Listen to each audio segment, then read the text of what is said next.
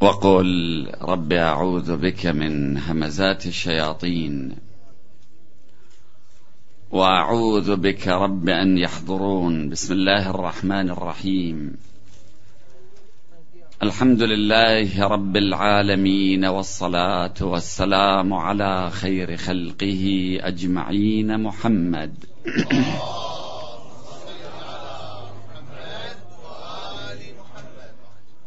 وعلى أهل بيته الطيبين الطاهرين المعصومين المكرمين وبعد. قال الله العظيم في كتابه الكريم ولقد جئتمونا فرادا كما خلقناكم أول مرة وتركتم ما خولناكم وراء ظهوركم وما نرى معكم شفعاؤكم الذين زعمتم أنهم فيكم شركاء. لقد تقطع بينكم وضل عنكم ما كنتم تزعمون. آمنا بالله صدق الله العلي العظيم. النهايات كالبدايات. بالطريقة التي جئنا إلى هذه الحياة نرحل عنها. الماضي دائما دليل على الآتي.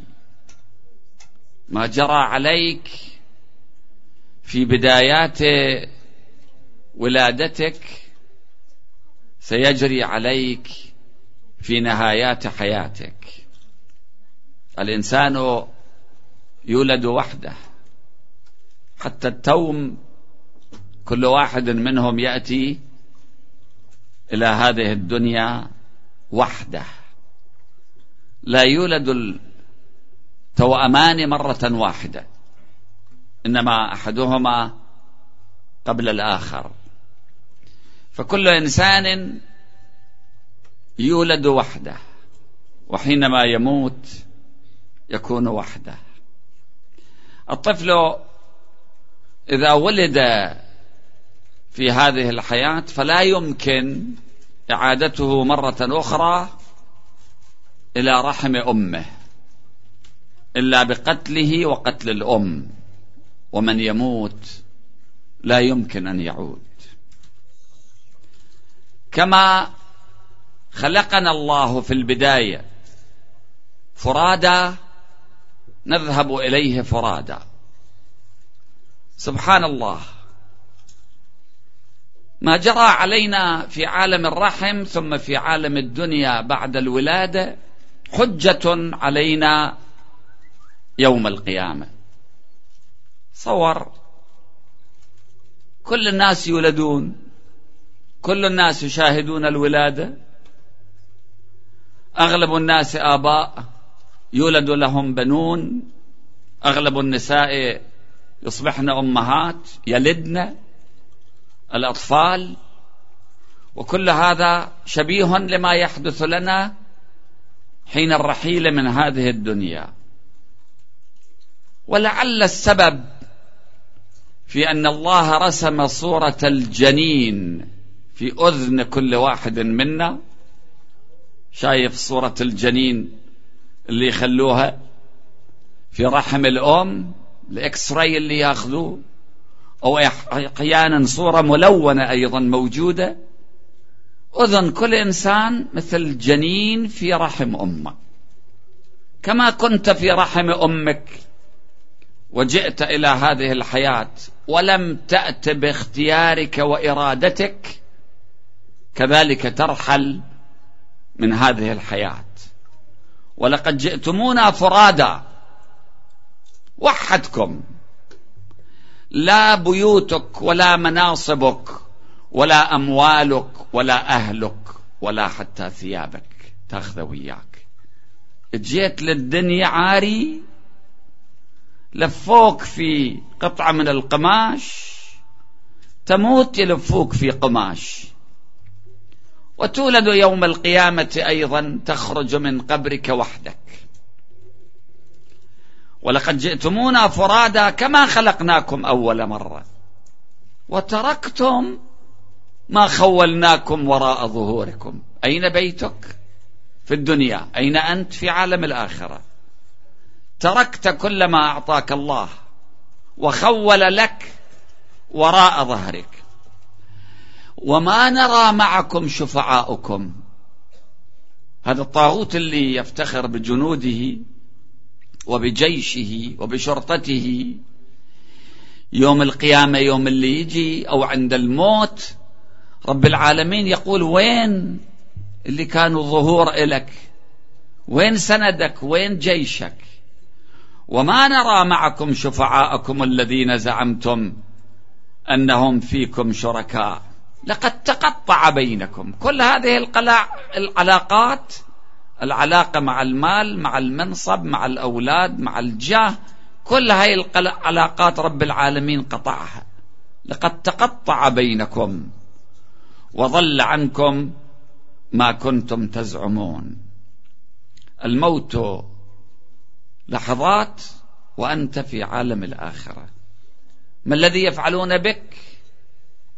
يغسلونك يحنطونك يكفنونك ويدفنونك أو يحرقون جثتك لماذا يدفنونك؟ لماذا يوضع الميت في قبره؟ لأنه لو ترك على الأرض لخاست أعضاؤه. هذا لحم الإنسان من ألذ أنواع اللحم. لحم طري. كل ما كان اللحم طري أكثر بسرعة يخيس. الهواء الحرارة تخيس الأجسام. لو تركت جنازة أحدنا بعد الموت في الأرض لانتفخت ثم تفجرت ثم تحولت إلى دود. هكذا يحدث لك في القبر. بعد أيام أو بعد أسابيع. شئت ذلك أم أبيت؟ والدود ينتقل على هذه الأعضاء التي طالما كنا نهتم بها وبجمالها وبنعومتها قد طالما أكلوا دهرا وما شربوا فأصبحوا بعد طول الأكل قد أكلوا. ناداهم صارخ من بعد دفنهم أين الأسرة والتيجان والكلل؟ أين الوجوه التي كانت منعمة من دونها تضرب الأستار؟ والكلل فأفصح القبر عنهم حين سألهم تلك الوجوه عليها الدود ينتقل. أكلت شربت يأكلوك يشربوك. العناصر الموجودة في جسمك كل هذه تتحول مرة أخرى إلى عناصر التربة. يموت الإنسان فيقبر. إخواني ما الفرق بين بيتك وبيوت الآخرين؟ ما الفرق بين دارك وبين الشارع والحدائق العامة؟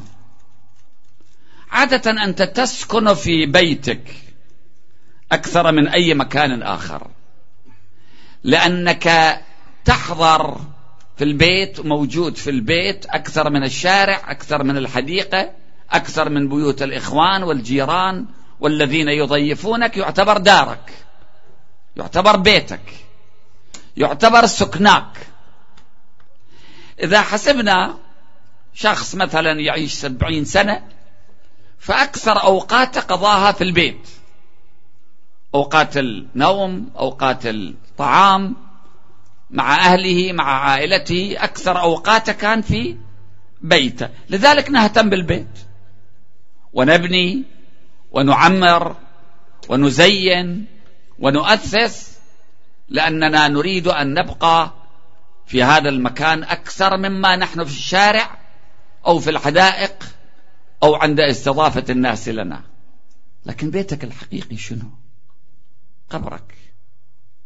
سكناك الحقيقي أطول فترة من الزمن. أنت تقضيها وين؟ في القبر.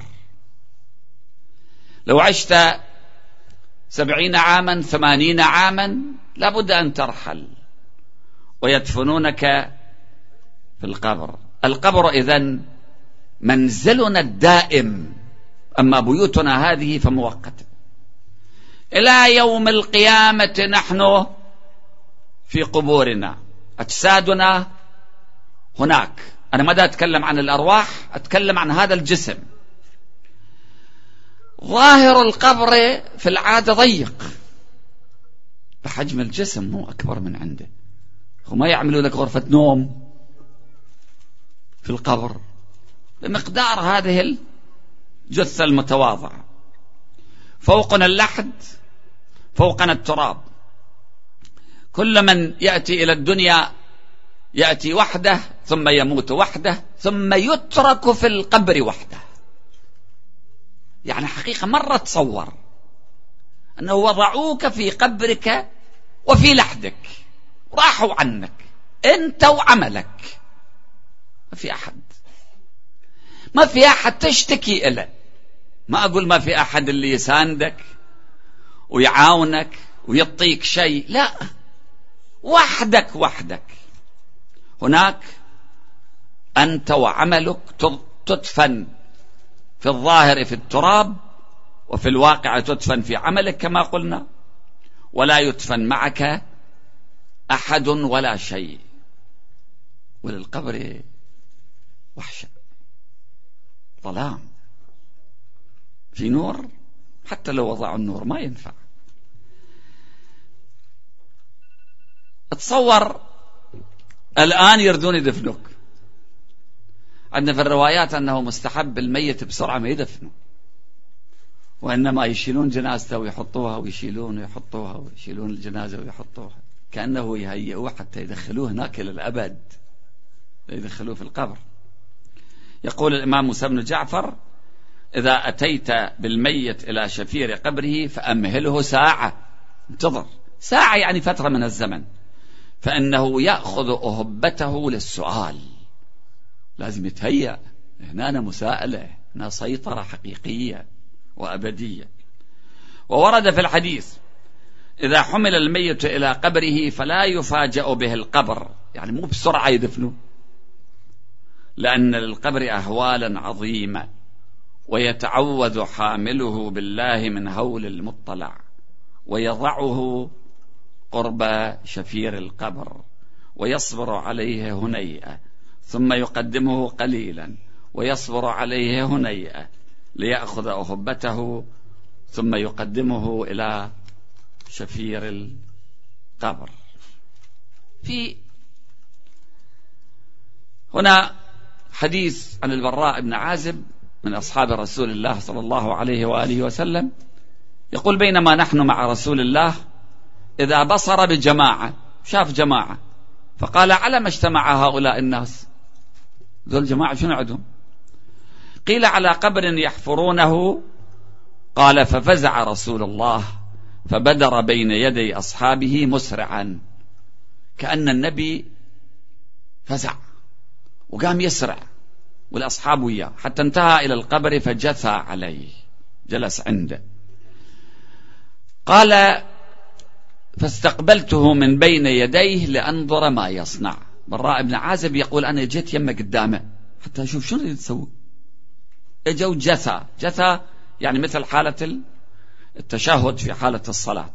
فبكى حتى بل الثرى من دموعه. ثم أقبل علينا فقال أي إخواني لمثل هذا أعدوا لمثل هذا الوقت اللي يخلوك في القبر أعدوا أنفسكم. وأيضا يروي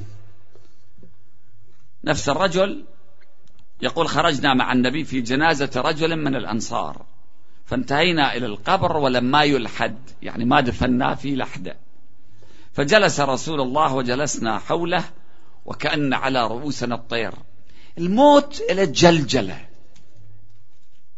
الآن كلنا إحنا جالسين وأحياء لكن لا سمح الله لو أحد صارت عنده سكتة قلبية. تشوف الوجوم في وجوه الحاضرين كأن على رؤوسنا الطير. وفي يد النبي عود ينكت في الأرض. يعني بالعود هالشكل ذا يحفر كأنه التراب. فقال استعيذوا بالله من عذاب القبر. استعيذوا بالله من عذاب القبر. استعيذوا بالله من عذاب القبر ثلاث مرات قال. ثم قال إن العبد المؤمن إذا وضع إذا كان في انقطاع من الدنيا وإقبال من الآخرة نزل إليه ملائكة من السماء بيض الوجوه. قلنا أن الموت يختلف بحسب اختلاف أعمال الناس بحسب اختلاف نياتهم نفوسهم. إذا كانت نفوس زاكية أو كانت نفوس خبيثة بحسب أعمالهم مواقفهم يختلف. النبي يتحدث عن العبد المؤمن. إذا كان في انقطاع عن الدنيا وإقبال من الآخرة نزل إليه ملائكة من السماء بيض الوجوه كأن وجوههم الشمس. معهم كفن من أكفان الجنة وحنوط من حنوط الجنة حتى يجلسوا منه مد البصر. ملائكة أكثر ما خلق الله الملائكة. يعني مد البصر ملائكة يجلسون مع هذا المؤمن ثم يجيء ملك الموت حتى يجلس عند رأسه فيقول أيتها النفس الطيبة أخرجي إلى. إلى مغفرة الله ورضوانه يعني ملك الموت مو ينتزع الموت ينتزع الروح كما يفعل من الظالمين وإنما هو الذي يقول للروح أخرجي فتخرج تسيل كما تسيل القطرة من في السقاء فيأخذها فإذا أخذها لم يدعوها في يده طرفة عين ملك الموت هو الذي يأخذ الروح ثم الملائكة يأخذون منه روح المؤمن فيجعلونها في ذلك الكفن وفي ذلك الحنوط ويخرج منها كأطيب نفحة مسك وجدت على وجه الأرض ريحة طيبة عنده. فيصعدون بها فلا يمرون بها على ملأ من الملائكة إلا قالوا ما هذه الروح الطيبة؟ وما هذه الريح الطيبة؟ هاي الروح شنو؟ يقولون فلان ابن فلان ينادونه بأحسن أسمائه التي كانوا يسمونه بها في الحياة الدنيا. حتى ينتهوا بها إلى سماء الدنيا فيستفتحون له فيفتح لهم فيشيعه كل من في السماء مقربوها إلى السماء التي تليها. السماوات يعني درجات مو يعني جغرافيا وإنما ارتفاع وعلو. حتى ينتهي به إلى السماء السابعة فيقول الله عز وجل اكتبوا كتاب عبدي في عليين وأعيدوه إلى الأرض. سجلوا في العليين. فإني منها خلقتهم وفيها أعيدهم. رجعوا إلى الأرض. لأن أنا من الأرض خلقت آدم وأبناء آدم منها خلقناكم وفيها نعيدكم ومنها نخرجكم تارة أخرى. أنت يوم اللي تسجد تسجد سجدتين. سجدة لأنه أنت من هاي الأرض خلقت. ثم الله أحياك ثم مرة ثانية يعيدك في التراب. فإني منها خلقتهم وفيها أعيدهم ومنها أخرجهم يوم القيامة تارة أخرى. فتعاد روحه في جسده. هذا كلام النبي لأصحابه. فيأتيها ملكان فيجلسانه فيقولان له من ربك. فيقول ربي الله. فيقولان له ما دينك. فيقول ديني الإسلام. فيقولان له من هذا الرجل الذي بعث فيكم. فيقول هو رسول الله. فيقولان له وما علمك. إيش قد عندك علم وعي فهم إدراك؟ فيقول قرأت كتاب الله وآمنت به وصدقت. فينادي مناد من السماء أن صدق عبدي فأفرشوه من الجنة وألبسوه من الجنة وافتحوا له بابا إلى الجنة. فيأتيه من روحها روحها وطيبها ويفسح له في قبره مد البصر. هذا بالنسبة للمؤمن. إن شاء الله نرجو من الله بلطفه ومنه وكرمه وغفرانه وعطفه أن يجعلنا ممن تحدث عنهم النبي صلى الله عليه وآله وسلم. في حديث لطيف قيس ابن عاصم يقول وفدت مع جماعة من بني تميم إلى النبي فدخلت وعنده الصلصال ابن الدلهمز. فقلت يا نبي الله عظنا موعظة ننتفع بها فإنا قوم نعبر البرية. إحنا جماعة نعيش بعيد. نريد من عندك فرد نصيحة تغير حياتنا. شوف أي واحد ينصحك بالتفكير بالموت وبالعاقبة وبالجنة وبالنار ما يريد من عندك تتعلم. فقط يريد من عندك تتغير. مطلوب أن تتغير. أحيانا كان يأتي بعضهم إلى نبي من الأنبياء فيسمع منه نصف ساعة. يسمع منه موعظة. هاي الموعظة راح تسمعوها خلال أقل من دقيقة. بس حياته تتغير تتبدل. يصير رجل ربي ربيون كثير. وكم من نبي قاتل معه ربيون. الله ينسبهم إلى نفسه. وعباد الرحمن بعض العباد رب العالمين ينسبهم إلى نفسه عباد الرحمن الذين يمشون على الأرض هونا وإذا خاطبهم الجاهلون قالوا سلاما. والذين يبيتون لربهم سجدا وقياما. والذين يقولون ربنا اصرف عنا عذاب جهنم. إن عذابها كان غراما إنها ساءت مستقرا. ومقاما إلى آخر الآيات. أن تتغير فتصبح ربيا. تصبح من عباد الرحمن. عزم إرادة تختار الله بها. قلنا يا رسول الله عظنا موعظة ننتفع بها فإنا قوم نعبر في البرية. إحنا نعيش في البر. فقال رسول الله يا قيس شوف هاي النصيحة لقيس. أنت اسمك شنو؟ عبد الله أيضا لك يا عبد الله اسمك حسن يا حسن. اسمك حسين يا حسين. اسمك محمد يا محمد. اللهم صل على محمد وعلى هاي النصيحة مو لقيس. وحدة. نصيحة لكل الناس. قال يا قيس إن مع العز ذلا. شباب مفتول العضلات قوي في صحة في سلامة. ما يجي فرد يوم هاي العضلات ما تقدر تحركها يجي. ما يجي يوم من الأيام تقدر تحرك أصابع إيدك. الإسكندر المقدوني أكبر الفاتحين ما قبل التاريخ. هذا استطاع أن يسيطر على المعمورة تقريبا. يعني أينما ذهب احتل تلك البلاد انتقل من مسدونيا مقدونيا إلى بلغاريا وتلك المناطق احتلها. وسيطر عليها ثم جاء إلى اليونان ثم إلى مصر لبنان إيران كل هاي المناطق أصبحت تحت سيطرته مات في ريعان شباب عمره 32 سنة في الحلة في العراق في بابل هناك مدفون. صار عنده مرض بسيط أنفلونزا ومات. حسب الظاهر أنفلونزا شيء شبيه من هذا القبيل ومات. يوم اللي مات خلوه في صندوق من الذهب. وجاء الناس آخر نظرة يلقوا عليه حسب المعمول الآن في بعض البلاد. تشيع ما تشيع ما كان عندهم. بعض الحكماء أيضا تكلموا. أحدهم قال إن هذا الذي كان يحرك العالم كله لا يستطيع أن يحرك إصبع من أصابعه. إن مع العز ذلا. كم جمع من الذهب؟ وكان يتحكم في الذهب؟ الآن مخليه في تابوت من الذهب. الذهب يتحكم به يا قيس إن مع العز ذلا وإن مع الحياة موتا وإن مع الدنيا آخرة وإن لكل شيء حسيبا. كل شيء محسوب عليك. نيتك محسوبة عليك. نظراتك محسوبة عليك. اليوم كان أحد الإخوة أحد الخطباء ينقل هاي القصة يقول رحنا إلى مقبرة فدفنوا جنازة فطلبت من الله أن أعرف حال صاحب هذه الجنازة.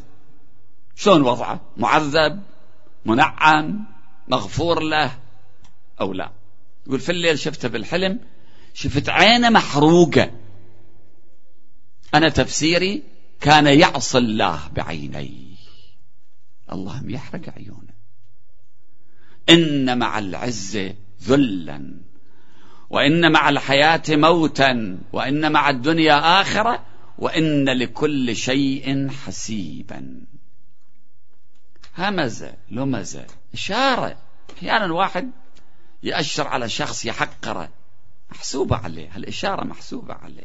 ويل لكل همزة لمزة. وعلى كل شيء رقيبا. وإن لكل حسنة ثوابا ولكل سيئة عقابا ولكل أجل كتابا. ثم قال النبي هاي كلمات حقيقة ناموس الكون النبي يتحدث عنه. يتحدث عن حقائق. هذا مو شعر هذا مو خيال. لا بد لك يا قيس من قرين يدفن معك وهو حي وأنت ميت. يوم اللي يخلوك في القبر أنت ميت بس وياك في شيء حي.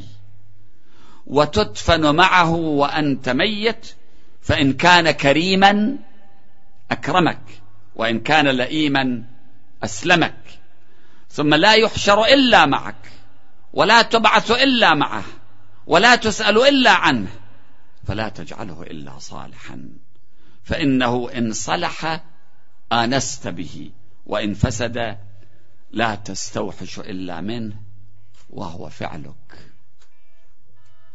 هذا اللي يدفن معك وهو حي وأنت ميت تحشر يوم القيامة معه هذا عملك. اجعله صالح خلي أعمالك صالح. حتى يكون يؤنسك هذا العمل يوم القيامة. يقال هذه القصة تروى عن الشيخ البهائي أنه ذهب ذات مرة إلى المقبرة فوجد رجل هناك رجل يتعبد الله. المكان الصحيح اللي يذكر الإنسان بالآخرة وين؟ المقبرة. فكان بعض الصالحين يذهبون إلى المقابر يسوي له فرد صندقة في بيت بسيط ويعبد الله. يقول ذهب إلى رجل من الصالحين كان يتعبد الله في بداية المقبرة وهذا القصة حدثت في إصفهان فسأله قال شنو أنت شفت هنا خلال هاي المدة اللي أنت هنا وفي المقبرة وتعبد ربك لابد شفت لك شيء. قال شاهدت قبل هذا اليوم في هذه المقبرة أمرا غريبا. فقد رأيته طبعا قبل أن أذكر هذه القصة بعض الناس لا يرون إلا ظاهرا من الحياة الدنيا. ما وصل إلى مرحلة من الإيمان والعمل الصالح. حتى هذا الحجاب يرتفع بينه وبين عالم الآخرة. في بعضهم لا. كما أن بعضنا ربما يرى الحقائق في عالم المنام. يشوف حوادث لم تحدث ثم تحدث. وقد رآها من قبل في عالم النوم.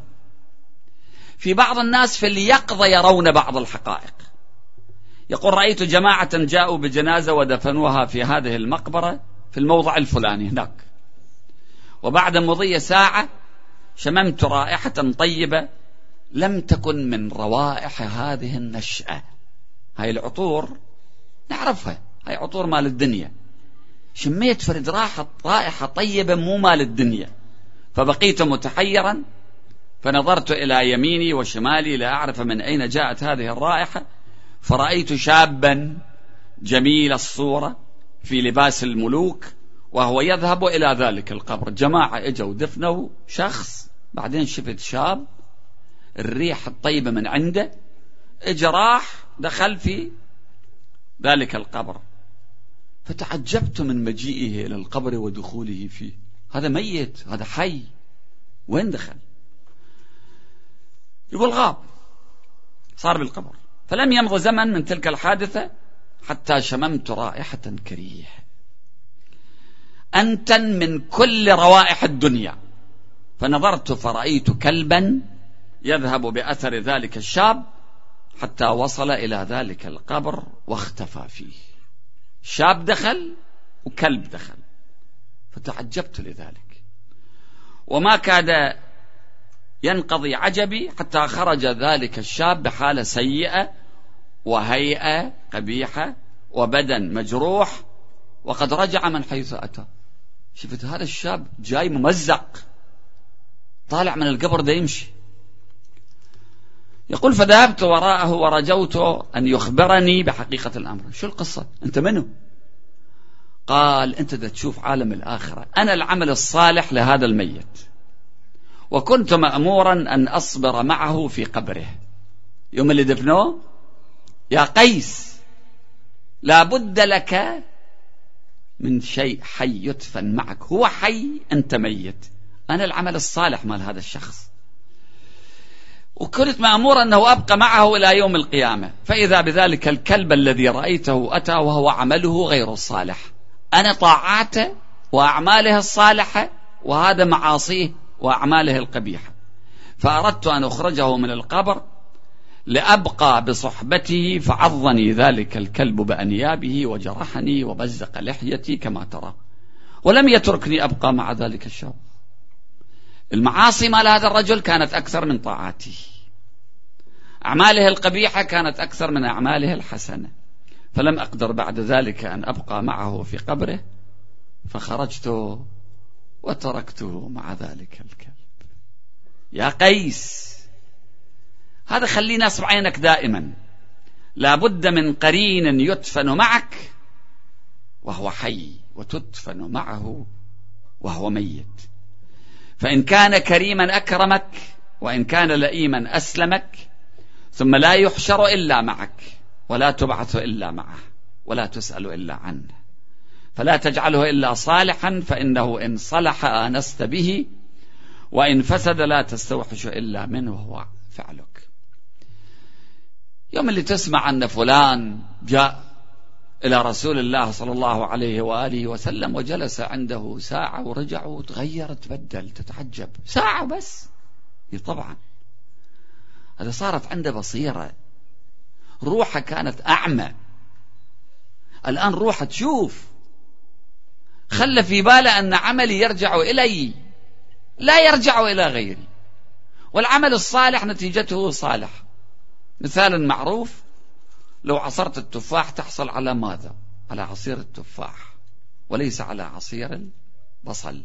ولو عصرت البصل تحصل على عصير البصل وليس عصير التفاح.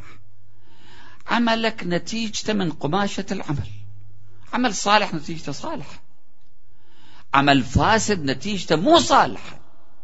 ليس بأمانيكم ولا أماني أهل الكتاب. من يعمل سوءا يجزى به. عمل السيء نتيجته سيئة.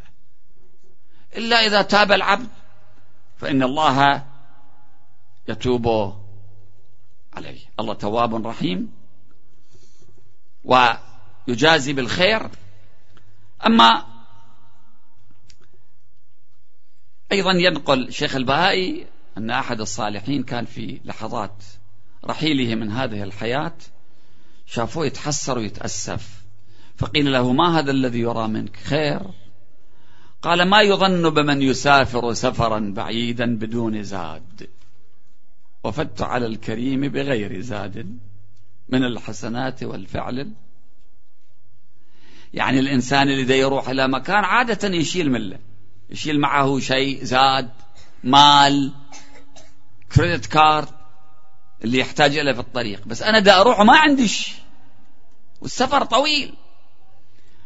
يقول بلا زاد ويسكن في قبر موحش بلا مؤنس ويرد على حاكم عادل بدون حجة. عذر ما عندنا صدقوا الذين يعصون ربهم لا يمكن أن يكون لهم عذر يوم القيامة. لأن الإنسان مختار باستطاعته أن يفعل وأن لا يفعل أن يطيع أو أن يعصي. يقول عيسى ابن مريم سلام الله عليه وعلى أمه نادى أمه مريم بعدما دفنت. فقال يا أماه عيسى رب العالمين أعطاه قدرة على إحياء الموت. مكان يحيي الموتى الآن يسأل أمه ها أمي تريدين أرجعك؟ قال يا أمه هل تريدين أن ترجعي إلى الدنيا؟ قالت نعم لأصلي لله في ليلة شديدة البرد وأصوم يوما في يوم شديد الحر. يا بني إن الطريق مخوف. هاي من تقول؟ عيسى مريم. أم هذا النبي العظيم ترى الطريق مخوف. شيل وياك زاد خلي يكون عندك نور. العمل الصالح في القبر نور. وروية هاي مريم. خل نجي على عزيزة النبي فاطمة الزهراء سلام الله عليها التي خاطب الله أباها وقال لولاك لما خلقت الأفلاك ولولا علي لما خلقتك ولولا فاطمة لما خلقتكما.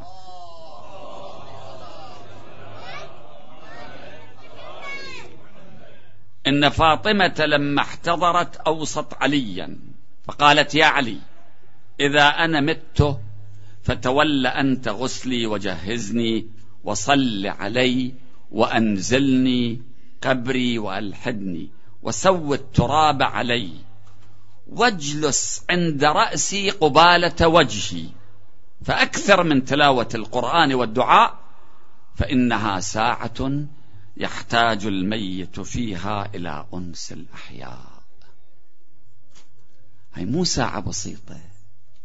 ساعات الأولى التي يوضع الإنسان في قبره من أصعب الساعات.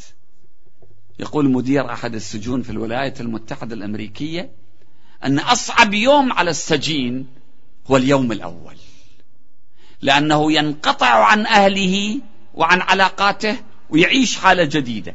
الإنسان اللي يموت مو عنده الحالة هم ينقطع عن كل علاقاته وعلائقه بالدنيا وهم يعيش حالة جديدة. فاطمة تقول فإنها ساعة يحتاج الميت فيها إلى أنس الأحياء. النبي صلى الله عليه وآله وسلم يقول لا يأتي على الميت ساعة أشد من أول ليلة. شو نسوي يا رسول الله؟ ارحموا موتاكم بالصدقة. أحيانا صعب عليك تعطي مالك بس الله يمتحنك بهذا الشيء الصعب. لن تنالوا البر حتى تنفقوا مما تحبون. هذا اللي قلبك متعلق به أعطي. أعطي لهذا الميت. فارحموا موتاكم بالصدقة. نحن نريد أن نتكلم عن عالم الآخرة ليس فقط نظريا وإنما عمليا أيضا. فإن لم تجدوا فليصلي أحدكم ركعتين يقرأ فيهما فاتحة الكتاب سورة الحمد وآية الكرسي مرة.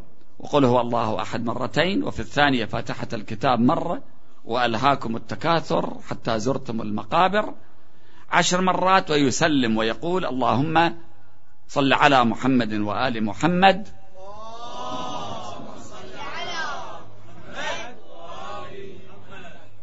وابعث ثوابها إلى قبر ذلك الميت فلان ابن فلان فيبعث الله من ساعته.